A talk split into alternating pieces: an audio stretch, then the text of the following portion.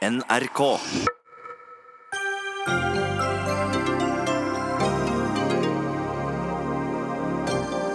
Trond Giskes endelige skjebne i Arbeiderpartiet er fortsatt i det blå, etter at partiets sentralstyre satt samlet i timevis i dag. Nestleder Hadia Tajik trosset partileder Støre og leste høyt fra varslingssaker mot den andre nestlederen. Giske er utsatt for en svertekampanje, hevder Ap-veteran, mens lederen av partiets kvinnenettverk i Rogaland ikke kan se at Trond Giske kan fortsette som nestleder. Og mens eh, medienes søkelys er rettet mot Arbeiderpartiet, begynte regjeringsforhandlingene med Venstre. Men hvor går smertegrensa deres, egentlig?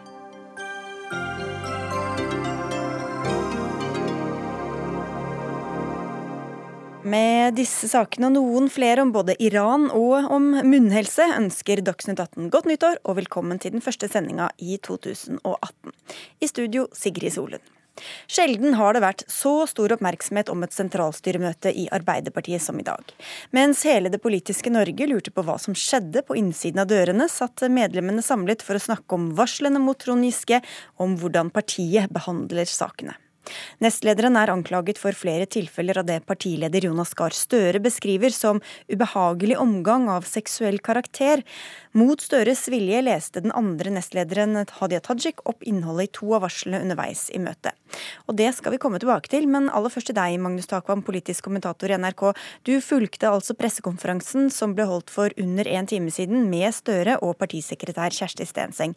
Hva var budskapet deres? Nei, Det partiledelsen var først og fremst opptatt av, var å si at de har fått bred støtte, som det heter, til den måten de skal behandle disse varslingssakene videre på eh, i partiet. Eh, det som har skapt mest oppsikt, er jo eh, snarere eh, andre ting, nemlig at Hadia Tajik, som dere har vært inne på, valgte å lese opp fra to av varslernes dokumenter om deres saker, etter at de ba henne om det.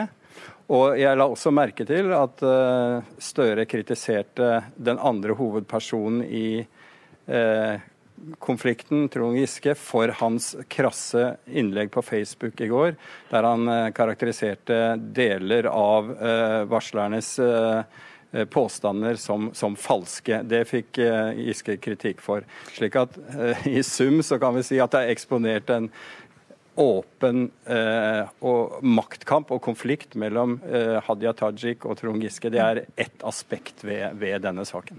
Vi skal få utdype det om litt, men det er altså ikke sånn at sentralstyret har kommet fram til akkurat hva som skal skje med Trond Giske?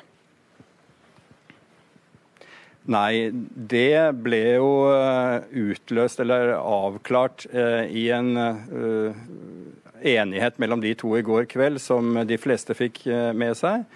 Der Støre sier at han ga Trond Giske det råd om å fratre vervet som nestleder på ubestemt tid.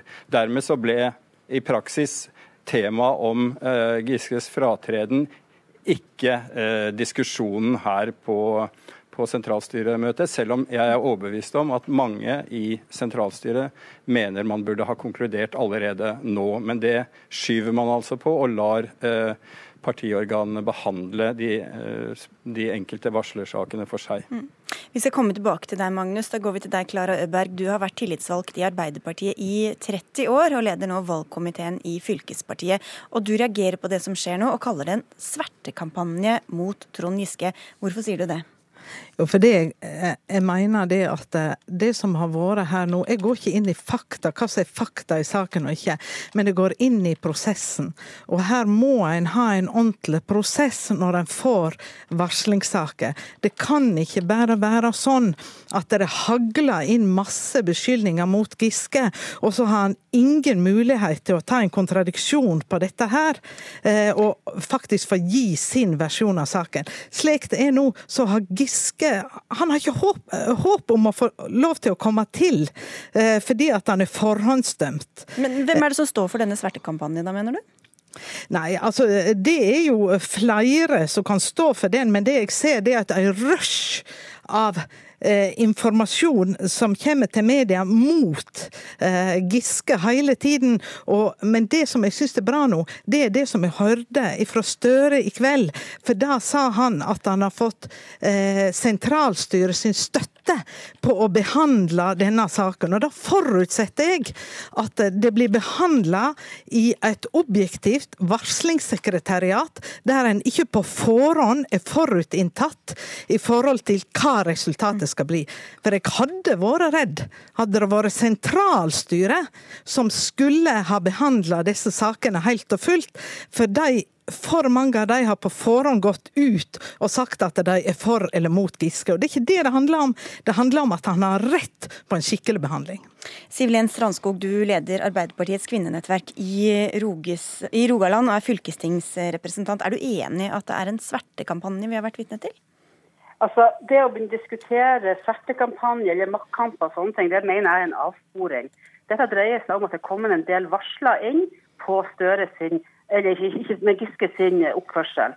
Og, og ut ifra det som selv, Giske selv har sagt, og det som Jonas nå har sagt flere ganger i løpet av dagen, så mener jo jeg det at, um, at det er vanskelig å se for seg at Trond Giske kan komme tilbake som nestleder av partiet. Ja, for, det er jo, Til og med Giske har jo beklaget sin egen oppførsel ja. flere ganger. så hvor, hvor, Hvordan kan du da si at det er snakk om en svertekampanje?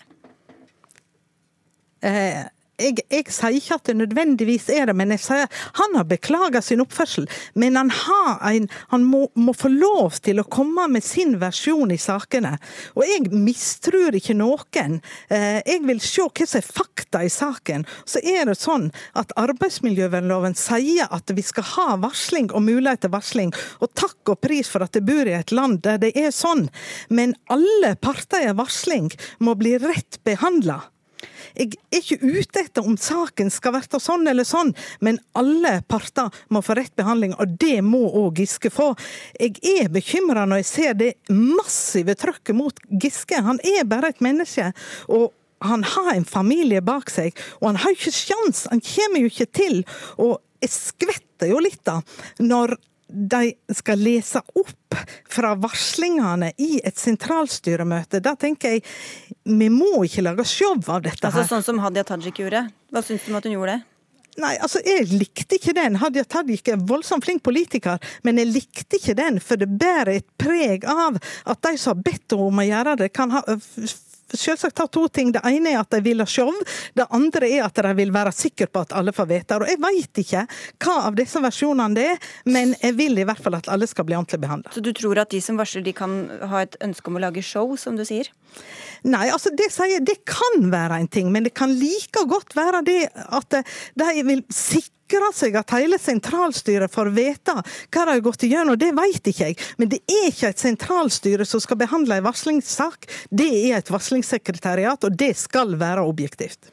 Hva syns du Strandskog, om, om at Hadia Tajik gjorde som hun gjorde? Når Hadia gjorde det hun gjorde på sentralstyremøtet i dag, så gjorde hun det det er jeg trygg på at hun gjorde det fordi hun måtte gjøre det. Og jeg tror på hennes vurderinger. Og det, er, og det er jo fordi at hun har vært i kontakt med varslerne. Og det er jo varslerne som bedde om å gjøre. Så jeg har tillit til at Hadia håndterte den måten som hun måtte gjøre. Og så er det jo sånn at Giske har jammen kommet til i både i media og i andre organer for å få sagt sitt syn på det her. Heldigvis, for vi lever i et åpent rettssamfunn. Eh, og jeg er helt enig at Giske må ivaretas. Men det må også varslerne og varslerne helse. For jeg er også bekymret for varslernes helse og deres familie oppi her. For det å være varsler det er en enorm påkjenning. Og jeg er glad for at både Jonas og Hadia er veldig tydelige på at de tror, at de tror på varslerne. For det trenger de. For det de står i også, er en helsebelastning av dimensjoner. Men hva, når du sier at, eh, at Trond Giske ikke kan bli sittende, hva slags rettssikkerhet og sikkerhet er det, han, er det du gir ham da? Når han ikke engang får tid til å imøtegå de varslene eller påstandene som er kommet? Jeg tar en utgangspunkt i det som Giske sjøl har sagt i intervjuer, der han har imøtegått og, og, og, og, sagt at han har gjort en del ting i sin oppførsel som ikke er akseptabel. Og Jeg stiller meg også bak det Jonas sier i forhold han tror på de varslene, og hans kritikk i forhold til at det har vært av seksuell karakter noen av de tingene som, Jon, eh, som, er, som Giske har gjort. Og Med utgangspunkt i det så er det sånn at det er ikke bare jussen som teller, det er også tilliten i partiet og til velgerne. Og da er det sånn at jeg mener både for Giske sjøl, for partiet og for varslerne sin del, så er det tror jeg det er lurt nå at, eh, at Giske trekkes tilbake igjen, og at han ikke kommer tilbake som nestleder av partiet. Kan han bli sittende som nestleder Rødberg? Altså, Det veit ikke jeg. Jeg vil ikke si at jeg mistror verken Giske eller andre, men jeg sier det er prosessen som må være ordentlig. Og etter at en behandler disse varslingene, så ser en alvorlighetsgraden i dem. Og da mener jeg en skal si noe om Giske kan komme tilbake eller ikke. Altså, Vi hadde en sak i uh, Fremskrittspartiet med Søviknes. Han sitter som næringsminister i dag. Så uh, vel jeg vil ikke si han, har, han, sa, ja det er riktig, han sa det har vært uheldige episoder, det er riktig. Men jeg kjenner ikke innholdet i varslingssaken, og jeg vil at alt skal behandles på en ordentlig måte. Det tjener partiet og det jeg så av Støre i dag, det gjorde at jeg fikk tillit til at dette blir behandla ordentlig, og det er alle fortjent. Vi har selvfølgelig forsøkt å få med oss ledelsen i Arbeiderpartiet og sentralstyret, og ikke fått noen til å komme til Dagsnytt 18. Vi har tatt mange telefoner i dag, og det er nesten ingen som tør eller vil uttale seg, Strandskog. Hva sier det om, om tilstand og stemninga i Arbeiderpartiet når dere har en sånn uavklart situasjon? Dette er jo en vanskelig sak. Altså det, og det er, det er, jo som også andre sier, at dette, dette skal ivaretas og tas, tas, på en skikkelig måte. Det har jeg tro på at ledelsen vil å gjøre.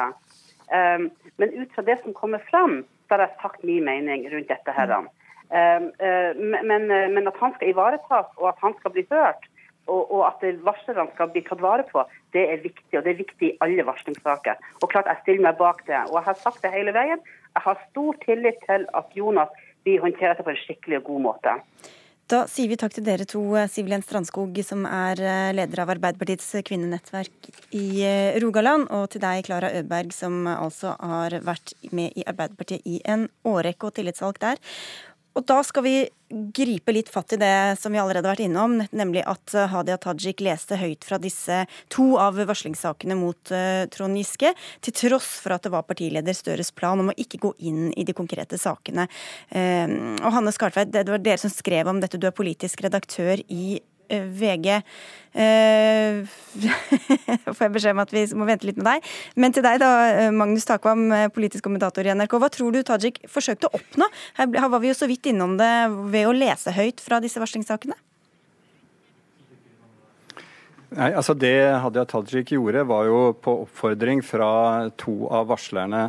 Eh, deres eh, motiv eh, var eh, at de har en frykt for at eh, de som støtter Trond Giske i denne saken, gjennom en offensiv så å si prøver å diskreditere deres versjon av hva som har skjedd, og at det på en måte for Hadia Tajik legitimerte å å eh, lese fra deres varslingssak i, i, sentralstyret. slik at de medlemmene som er rundt omkring i, i landet og som ikke har hatt innsyn i sakene tidligere, får høre hva, hva, det handler om. Mm. Slik at eh, Det var hennes vurdering, og det er det klart at det er det ulike syn på hvorvidt var, var riktig eller ikke. Tone Sofie Aglen, du er politisk redaktør i Adresseavisen. Hva er din analyse av eh, det som skjedde i Arbeiderpartiet i dag? Nei, Det ligner jo mer og mer på seigpinning. For det er stadig vanskeligere å se for seg at Trond Giske skal få nødvendig tillit til å komme tilbake som nestleder. Samtidig så tror jeg at partiet er opptatt av at eh, Giske skal få en rettferdig behandling, der hans rettssikkerhet blir ivaretatt. Jeg tror det provoserer en del. Eh, som mener at Giske burde fått sparken for lenge siden, og dette burde vært avgjort eh, før jul. Men jeg tror at eh, det er helt nødvendig både for at hans støttespillere skal akseptere den prosessen, og at de klarer å få en behandling som står seg for ettertida. Men så må det også sies at det som skjedde i sentralstyremøtet, er nok også et uttrykk for at det er en partiledelse som ikke er spesielt harmonisert. Og Hadia Tajik så nok det er nødvendig å, å, å stå fram og fortelle alvorligheten i saken for å kanskje tvinge fram, eh, i hvert fall for åpne øyne for hvor alvorlig det her faktisk er. Hanne Skartveit, allerede introdusert deg halvveis. Eh, hvordan vil du beskrive Du har jo vært her tidligere og snakket om maktkampen i Arbeiderpartiet i forbindelse med dette. Hvordan leser du dagens eh, opplesning fra Hadia Tajik inn i det bildet? Den leser jeg som veldig modig. Eh, jeg tror at hun ikke har noe maktpolitisk agenda i dette. Jeg tror at hun rett og slett bare føler at dette må hun gjøre fordi det er det riktige å gjøre. Taktisk kan du godt si at det kanskje ikke var så lurt, men moralsk, og det hun kjenner inni seg at er det riktig å gjøre, det er jeg helt sikker på at det var det som skjedde i dag. Og det var modig å stå opp mot sin egen partileder på den måten. Eh, jeg må si at jeg syns hun vokste i dag. Men det var ikke bare det at hun trosset Støre og leste høyt fra varslingssaken. Vi kunne jo lese underveis. Altså Dette ble lekket til pressen og til VG Nett, som skrev om dette mens møtet pågikk. Hva sier det om stemninga og tilstanden i Arbeiderpartiledelsen nå? Eh, nå kan jo ikke vi si det om hvordan dette kom ut, men det er klart at det er en, en veldig dårlig stemning i Arbeiderpartiet nå. Det er dårlig mellom de forskjellige i partiledelsen. Det er Folk stoler ikke ordentlig på hverandre. Så det forteller jo mye om kulturen, men det er andre ting som jeg synes forteller mer. altså Alt dette som har skjedd nå. Håndteringen, ledelseshåndtering av varslingssakene, mistillit mellom de to nestlederne. Det er mye som er gærent i dette partiet nå om dagen. Magnus Takvam, vi var jo inne på det i den litt interne Arbeiderpartidebatten vi hadde her. Hva slags tidsperspektiv har Støre nå? Eh, hvor lenge kan Trond Giske bli, bli hengende i en sånn halvveis eh, situasjon som han eh, gjør nå? Nei, Han svarte jo på, på, det spørsmålet på den måten at teoretisk så kan han, siden han da har fratrådt på ubestemt tid, være i den posisjonen helt til neste landsmøte i 2019. Men eh, det er klart at det kommer ikke til å skje. Eh, det Støre legger opp til, er at han etter at disse varslingssakene som nå er kommet på bordet, og eventuelt nye som måtte komme til, er ferdigbehandlet, så tar Støre en totalvurdering, og da handler det om hans politiske tillit overordnet til og med han kan eh, samarbeide og ha tillit til eh, Trond Giske som sin nestleder i framtida. Og det er en ikke særlig dristig vurdering å si at eh, det aller meste tyder på at det ikke kommer til å skje, at den tilliten er så eh, brutt ned at eh, det er veldig vanskelig å se for seg Eh, det løpet at han gjeninntrer som nestleder. Men det, det, vil jo selvfølgelig de neste dagene vise. En uke eller to vil jeg tro eh, går før man vet det. Men det er jo et landsmøte som har valgt ham, så hvorfor er bare Støres tillit så avgjørende? Fordi de to eh, Det er for å si det sånn, litt som om det er i en regjering der statsministeren må ha tillit til sine statsråder, selv om det selvfølgelig ikke er en direkte parallell. Støre sa det slik på pressekonferansen at han er sjefen, han er lederen. Og i den forståelsen de to ble enige om i går, om, om denne fratredelsen på ubestemt tid, så lå det, i hvert fall ifølge Støre, en enighet om at det var opp til Støre da etter etter at saken, eh, varslersakene er gjennomgått med kontradiksjon én og én og konkludert én og én, så er det opp til Støre å sette en sluttstrek. Har jeg tillit til Giske som nestleder eller ikke? Og Her er det jo eh, tillit eller mangel på tillit blant, blant flere, Aglen. Altså, nesten samtidig som Arbeiderpartiet kunngjorde at uh, Trond Giske i går var fritatt, som de sa, fra oppgavene som nestleder, gikk han selv ut på Facebook og hevdet at det var kommet flere grunnløse og falske varsler. Hvordan tolker du denne litt ulike ikke kommunikasjonen? Ja, nei, Han har jo forandra veldig taktikk, om vi kan bruke et sånt ord om en sånn eh, vanskelig sak, fra før jul, hvor han la seg flat. Når han nå gikk så offensivt ut på Facebook, så tyder jo det på at han vil kjempe for sitt politiske liv, og ikke vil akseptere det han oppfatter som falske Eh, varslinger. Eh, så han spiller veldig høyt der, for han, han, ble også kritisert for ordbruken av Støre. Samtidig så tror jeg at nettopp det å få fram at ikke alt nødvendigvis er riktig, at dette blir brukt i et maktspill, er det bitte lille håpet Eh, Trond Giske og hans støttespillere har for at han eventuelt skal kunne komme tilbake. Men... Han har jo en, hatt i hvert fall et stort uh, støtteapparat, for å si det sånn, ikke minst i din region. Hva slags støtte har han nå, tror du? Jeg tror mange er opptatt av at han må få en tillitsvekkende og rettferdig behandling, og at Trond Giske sjøl må bli hørt. Og jeg tror det som svekker den prosessen, er at mange opplever dette som en del av et maktspill. At det kommer eh, skjulte lekkasjer til mediene. Det kan framstå som en litt sånn heksejakt. Eh, samtidig så opplever jo også vi at de som tidligere var veldig tydelige og slo ring rundt Giske, de har blitt betraktelig spakere. Og det handler nok om at de er veldig usikre på hva er det som ligger i disse varslingene, og de vil, vet ikke helt hva som kommer og hvor alvorlig det er. Så jeg tror nok at de aller fleste innser at dette blir fryktelig vanskelig for Trond Giske å opparbeide den tilliten igjen. Har han noen sjanse til å fortsette? Når det gjelder Trond Giske, så vil jeg være varsom med å slå noen ting entydig fast. Han er en rå maktpolitiker, det har han vært hele livet. Men eh, for meg så ser det veldig krevende ut å klare å lykkes med det her. Er du like forsiktig, Skartveit? Jeg tror at uh, Trond Giske i hvert fall er ferdig som nestleder i Arbeiderpartiet. Om han uh, skulle komme tilbake på et langt senere tidspunkt, det kan man ikke vite. Men uh, sånn som det ser ut nå, så ser det mørkt ut for hans fremtidige karriere.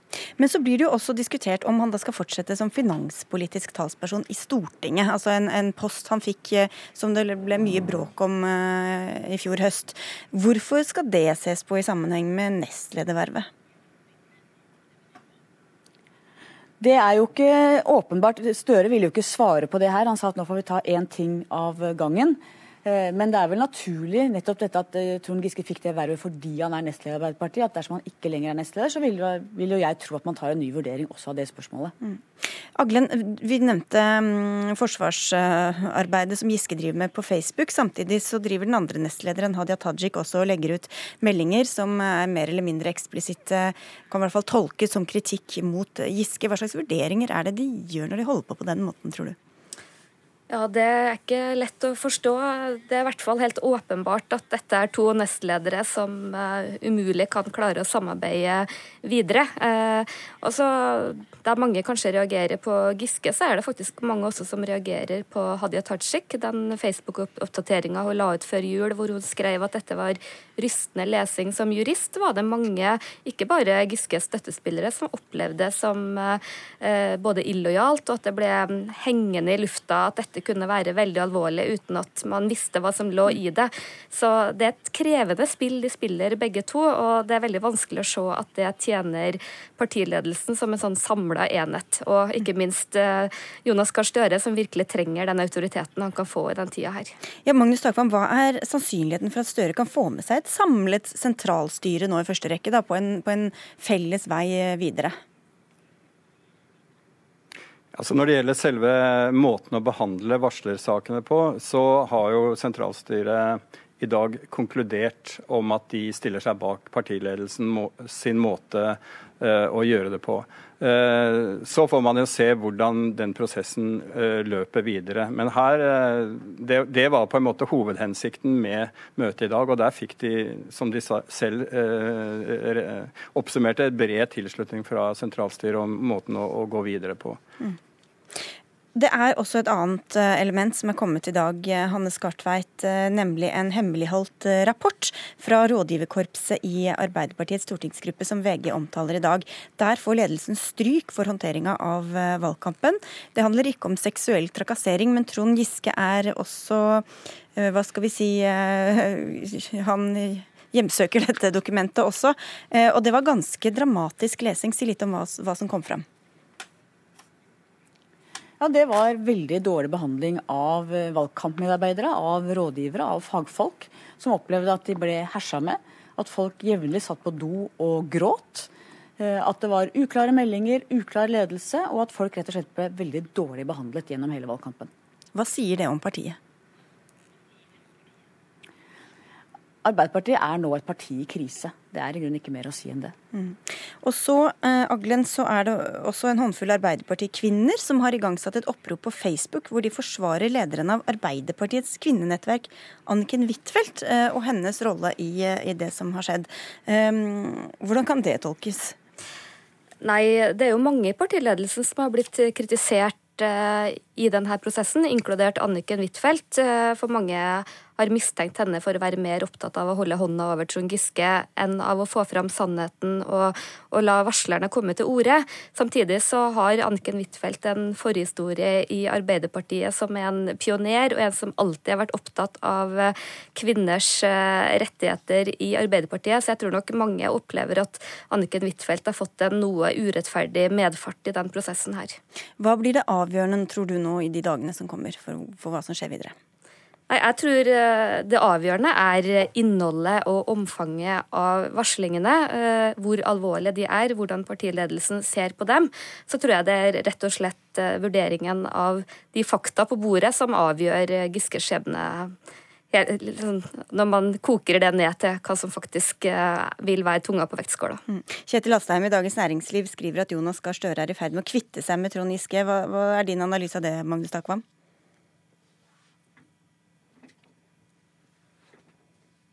Hvis vi fortsatt har deg med, Magnus? Da lurer jeg på om vi skal eh, si takk til dere i eh, denne omgang. Så får vi også beskjed om at Støre visstnok skal komme til eh, Dagsrevyen. Så skru på NRK1 om en drøy halvtime og se hva han sier til det som kom fram i dagens sentralstyremøte i Arbeiderpartiet. Takk skal dere ha, Hanne Skartveit, politisk redaktør i VG, Tone Sofie Aglen, politisk redaktør i Adresseavisen, og Magnus Takvam, politisk kommentator i NRK.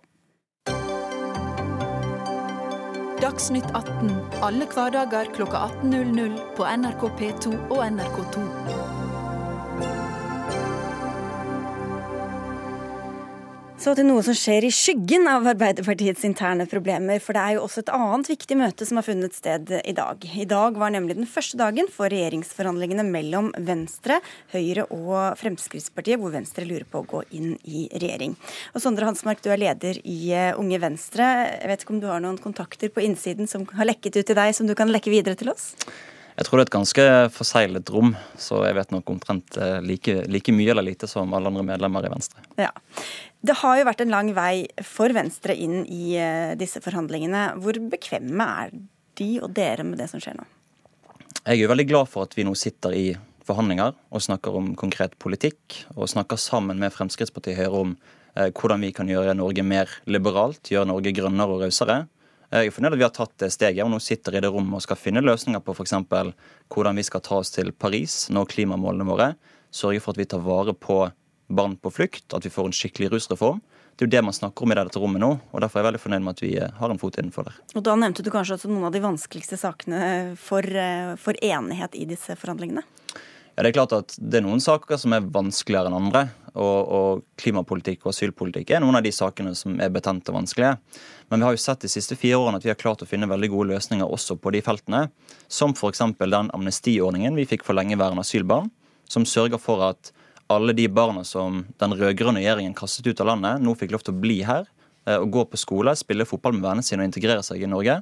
Eh, på f.eks. klimapolitikken, hvor vi har gjennomført tidenes største satsing på kollektivtransport og på på tog, viser at vi klarer å få til gode løsninger også på de vanskelige feltene. Men da blir dere også bundet til masten på en annen måte. Så hvis f.eks. når dere har, har jo en, en, lang skryteliste på grønne tiltak, samtidig som utslippene er gått opp eh, i Norge, mens dere også har hatt håndapparatet, som dere nå må svare for på en annen måte. Ja, men, Hva er fallgruvene, da, og farene ved å, å, forplikte seg på den måten? Men det er ikke helt riktig at klimagassutslippene har gått opp hvert år. for I fjor så gikk klimagassutslippene ned for første gang pga. politikk og den politikken vi har fått gjennom når det kommer til eh, biltransporten. Så Vi har fått til veldig mye politikk sammen med den regjeringen nå, men så er det klart at vi må gå de i møte på en rekke områder som gjerne kommer til å bli vanskelig for oss. Og vi vet jo det at Med Venstre sin politikk, hvis vi hadde styrt Norge alene, så hadde vi klart å nå eh, Parisavtalen og nå de målene vi har satt oss i Paris. Nå skal vi pushe Høyre og Fremskrittspartiet i en grønn retning og sørge for at vi virkelig tar de utfordringene på alvor. Men er du bitte litt redd for at det kan også ødelegge for deres troverdighet på saker som er viktige for dere? Jeg tenker det at Venstre skal ikke gå inn i regjering på et dårlig kompromiss. Eh, vi skal skape en ny regjering, Solberg II-regjeringen, som er en grønnere, rausere og mer sosialliberal regjering, hvor vi tar klima på alvor. Og jeg vet at Hvis Venstre velger å gå inn i regjering, så er det nettopp fordi at vi har fått til veldig mye på klimapolitikken på asylpolitikken, og da er det en politikk vi kan stå innenfor. Men så må dere også da hver dag eh, få spørsmål om hvor dere må svare for eh, oljepolitikken f.eks., eller innvandringspolitikken, til et parti hvor dere har, eh, er veldig uenige i saker. Er du litt redd for det?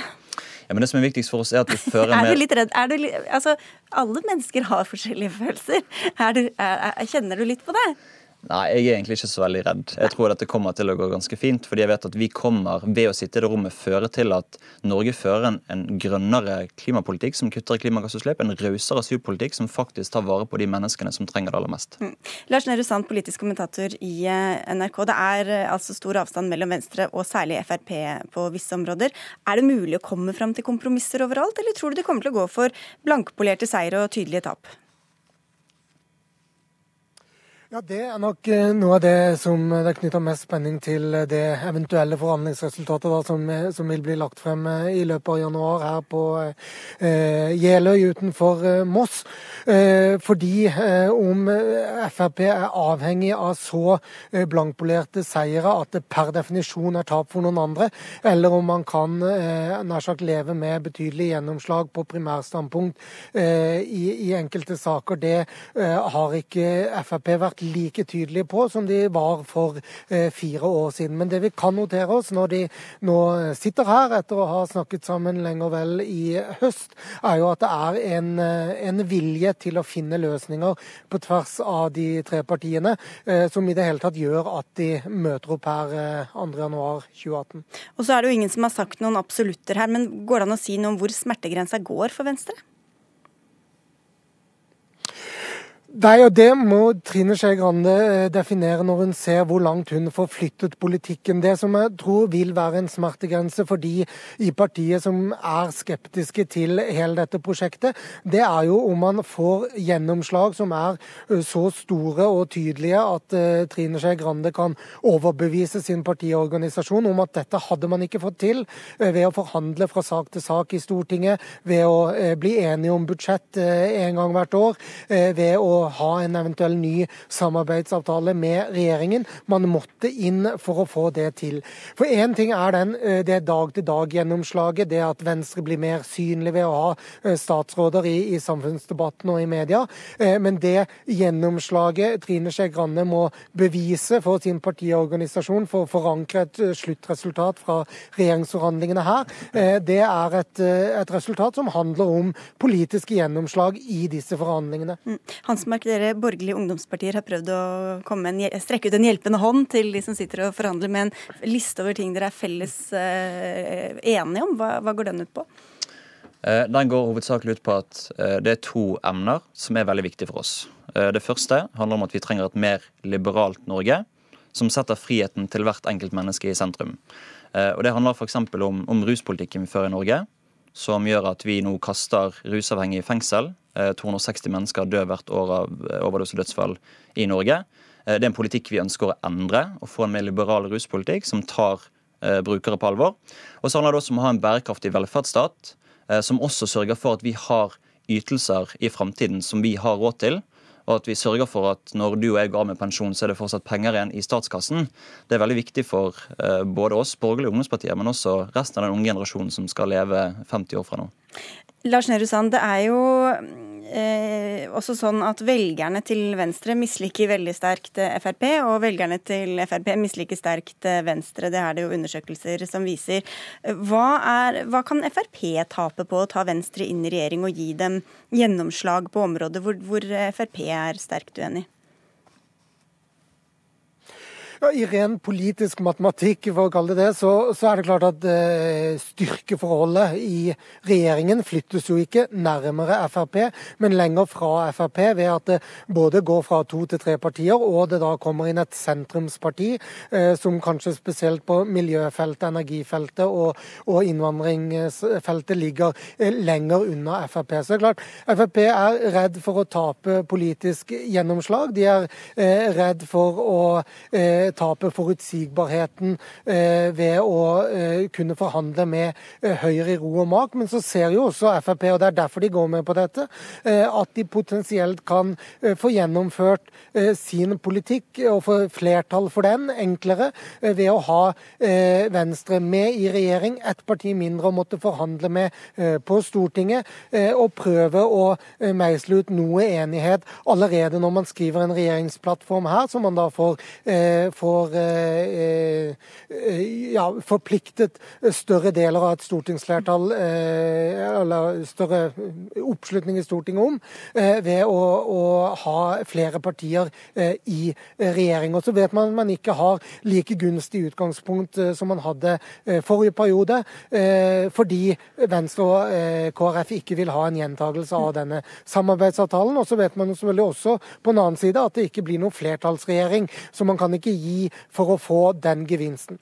Og så er det jo sånn at eh, Høyre skal da sitte i midten i flere saker i hvert fall, og, og prøve å få til en enighet mellom to, på hver sin, to partier på hver sin fløy. Kan, kan Høyre tape på det, så at de blir utvant og litt usynlige oppi det hele?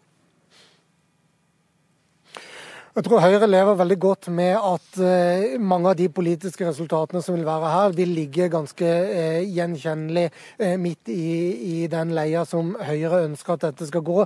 Høyre definerer mye av hovedprosjektene for denne regjeringen. Mye av det som er gjennomgangstonen i, i Erna Solberg sin nyttårstale f.eks., er tematikkprosjekter som Høyre ønsker å prege norsk politikk med i årene fremover, og som ikke er så avhengig avhengig av, av store enkeltvise gjennomslag eh, nødvendigvis i en forhandling som dette. Høyre håper å få arbeidsro eh, i en regjering ved å ha flere partier eh, innabords i eh, statsministerens eh, kontor og, og regjeringskvartalet. Eh, de håper på at det blir lettere å forhandle med partier på Stortinget når man bare vil trenge ett parti for å få flertall på Stortinget, og da hovedsakelig Kristelig Folkeparti, som man vil fortsette å ha en åpen dør til. Eh, så for Høyre så ligger det mye gevinst i å lykkes med dette. Høyre har jo lenge, siden før 2013, sagt at de ønsker å være et lim på borgerlig side, bygge tillit eh, mellom partier som i mange år ikke eh, klarte å samarbeide. Så skulle Erna Solberg lykkes i å få enda et parti inn i sin regjering i 2018, så vil det være en veldig god start på året for Høyre som parti og Erna Solberg Solberg som statsminister. Alle som ser deg på TV, ser at det ser litt kaldt ut eh, der du står, så du skal snart få gå inn og varme deg litt. Men hva er, hva er tidsperspektivet her på disse eh, forhandlingene nå, da? Ja, det, To til tre uker er det de fleste tror dette vil ta. Man går suksessivt gjennom eh, tema for tema, to til tre temaer eh, hver dag. Eh, og har møter godt forberedt med, med notater og eh, informasjon.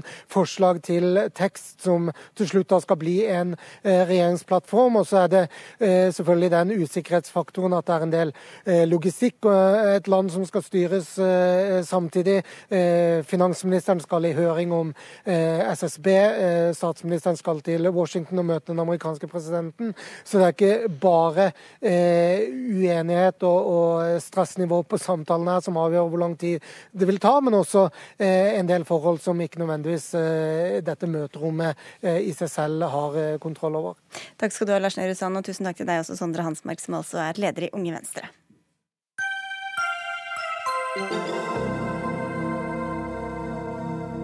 Torsdag i forrige uke brøt ut store demonstrasjoner mot regimet i Iran. Hittil er flere enn 20 mennesker drept, og flere hundre er skadet.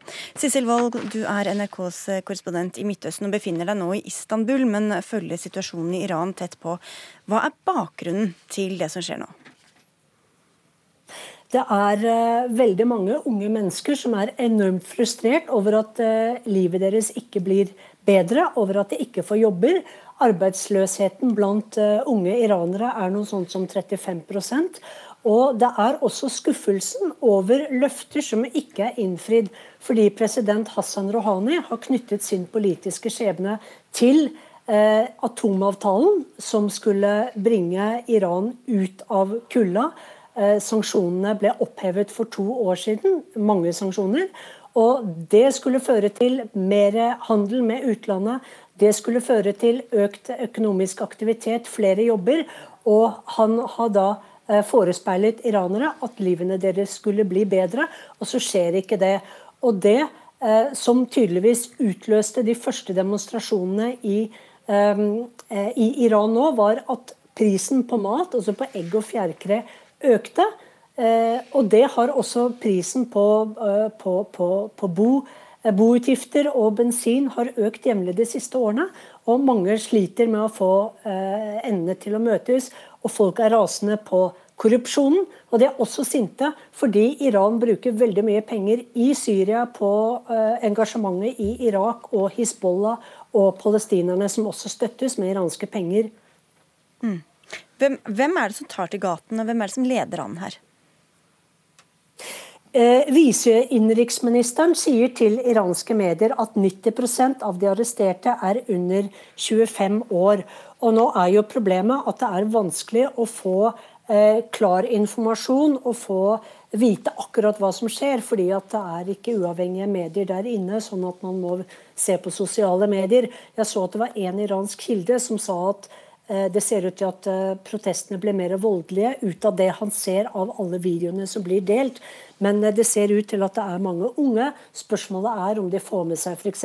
middelklassen, om de er like frustrert, eller om dette er mer Eh, fattige folk som er opprørt og, og, og, og veldig frustrert og, sint. Bli med oss videre, Sissel Wold. Men vi skal til deg, Mina Adampour. Du er lege og samfunnsdebattant, og du har vært mye i Iran under oppveksten din. Hvordan har det endret seg til det Iran som vi ser nå? Det Iran vi ser nå, eh, er preget av inflasjonen som har vært vedvarende siden 57. Frem til 2017 så har den ligget på omtrent 14 med et unntak i 95 hvor den var oppe på 60. Og denne inflasjonen, altså fallet eh, av verdien av penger, betyr noe for folket.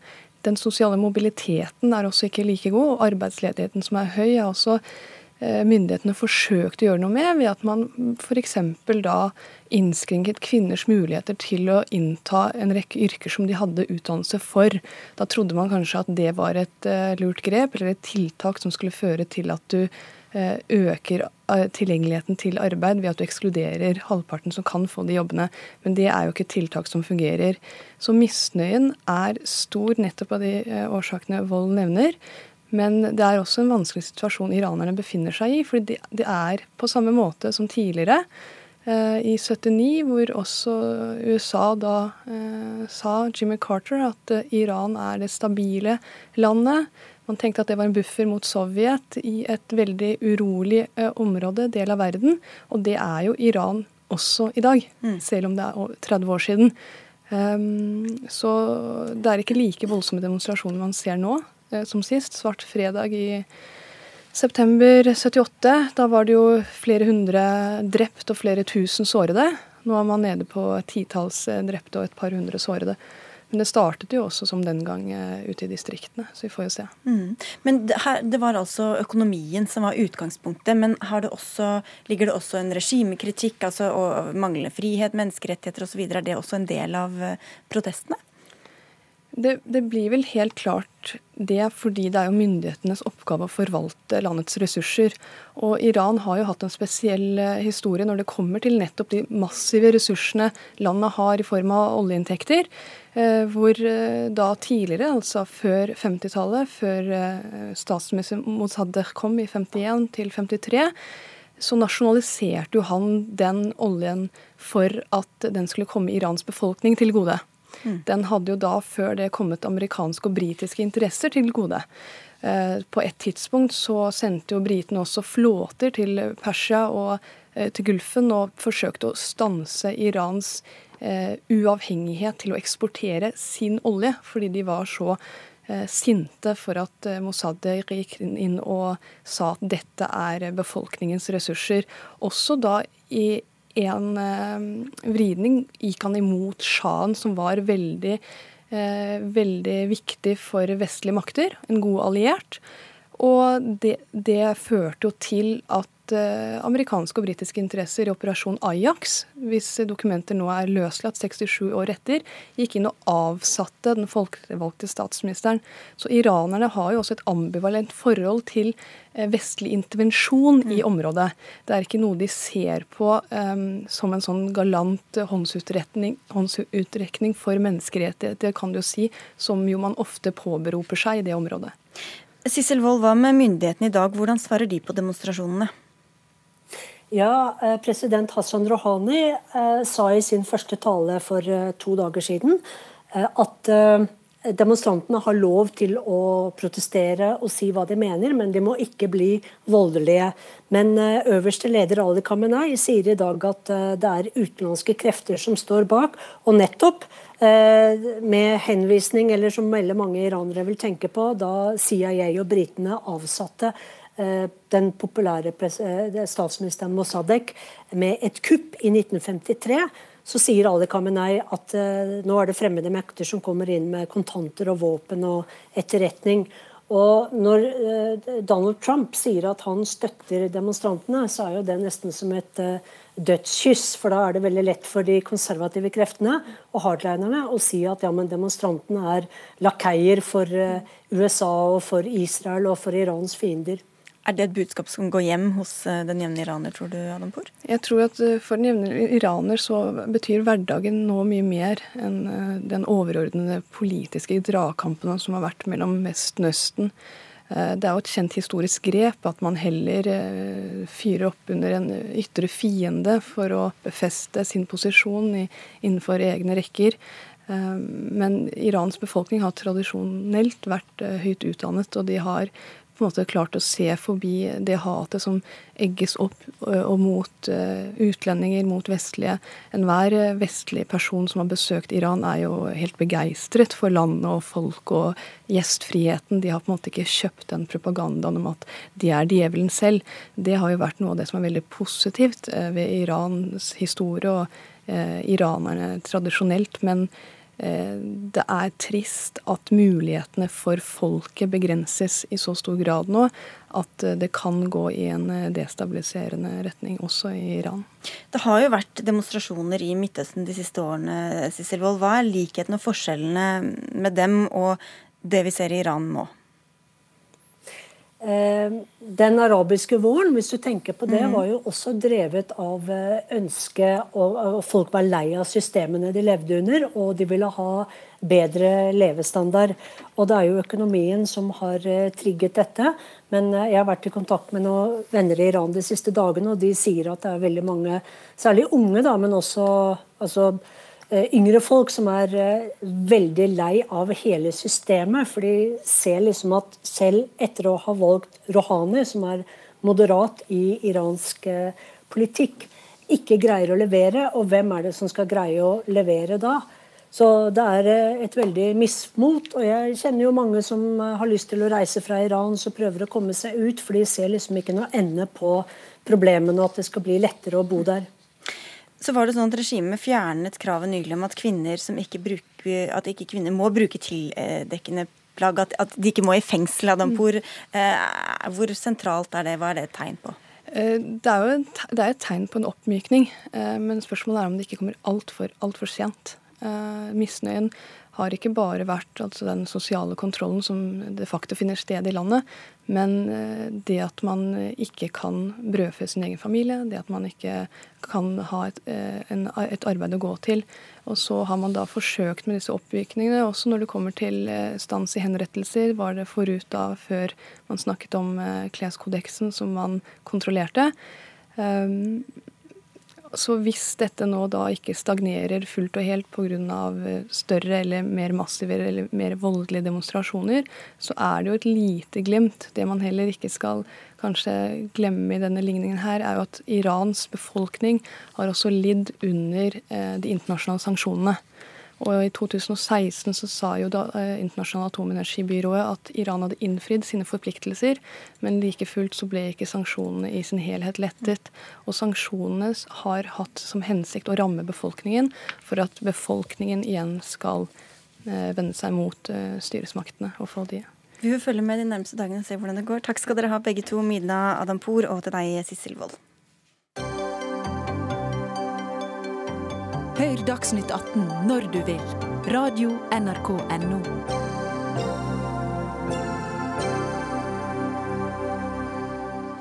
Se for deg at du sliter med et sår i munnen som ikke vil gro. Du går til legen, prøvene viser at det er kreft. Du må bestråles, noe som ødelegger spyttkjertlene dine fullstendig. Hadde du fått stråleskader hvor som helst ellers på kroppen, kunne du hentet medisiner mot plagene på blå resept. Men får du kronisk munntørrhet eller andre sykdommer i munnen, må du betale for medisinene selv. Og dette var et av scenarioene du trakk opp i Dagbladet i, i dag, Jannike Leon Jensen. Du er professor ved Institutt for klinisk odontologi. Hva er det du beskriver som du er bekymra over? Jeg bekymrer meg over den urettferdigheten som jeg ser når det gjelder at munnhulen på et vis ikke skulle tilhøre kroppen.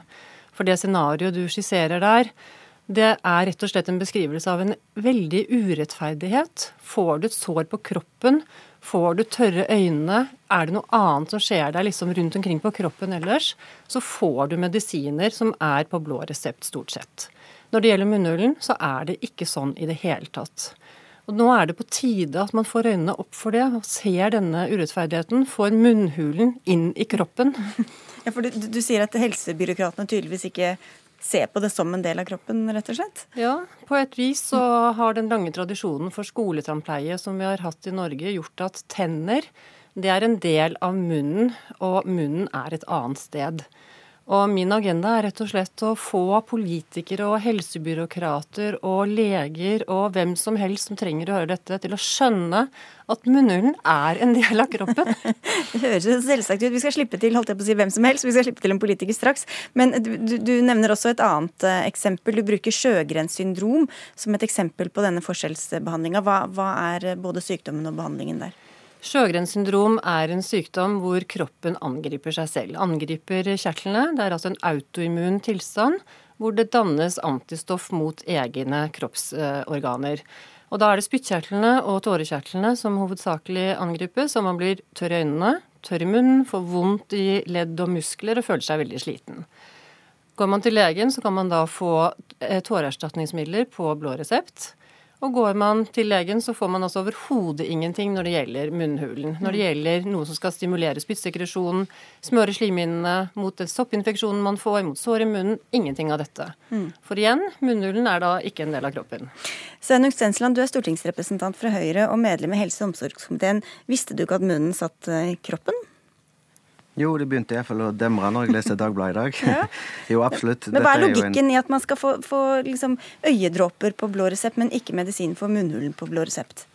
Ja, det er nok litt historiske grunner til det, men, men, så er det jo sånn at det finnes ordninger. Det har jo blitt økt fra altså De siste årene så har det blitt utbetalt 158 millioner, og mot 95 millioner for noen få år siden.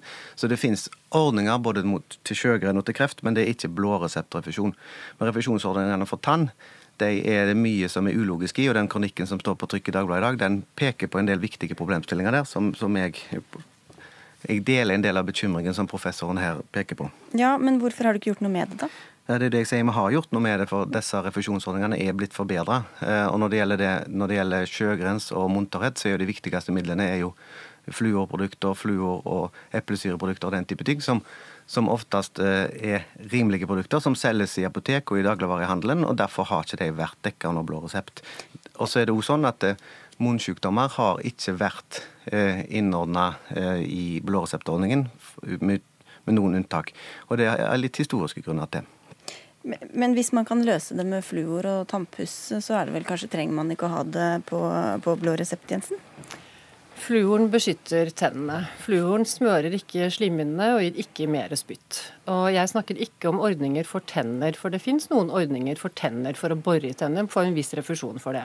Men det fins altså ingen ordninger som dekker daglig bruk av midler mot munntørrhet. Og det finnes f.eks. noe som heter Salagen, som er et dyrt preparat som er på registreringsfritak, og som ikke man får dekket noe som helst av, som kunne hjulpet disse pasientene. Viktigere er det at det egentlig ikke finnes noen gode produkter, slik at det trengs mye mer forskning for å faktisk komme frem til gode produkter som kan ha langtidseffekt for disse pasientene. Du viser til historiske årsaker, Stensland, men nå har jo dere sittet i over fire år. Hvorfor skal historiske årsaker gjøre, eller rettferdiggjøre en sånn urettferdighet? For å ta en sykdom som sjøgrens, da, så er det en syk, sykdom som har vært lite forstått frem til for, for, ganske få år siden. Derfor er det veldig bra at vi har dyktige forskere som peker på problemstillingen. Og vi har jo bevilga penger og satt i gang et utvida forskningsarbeid innenfor tannhelse. nettopp ja, men fordi at Til at noe underprøvd. skal være på blå resept og ikke. Hvor, hvorfor skal man la historiske årsaker bestemme det?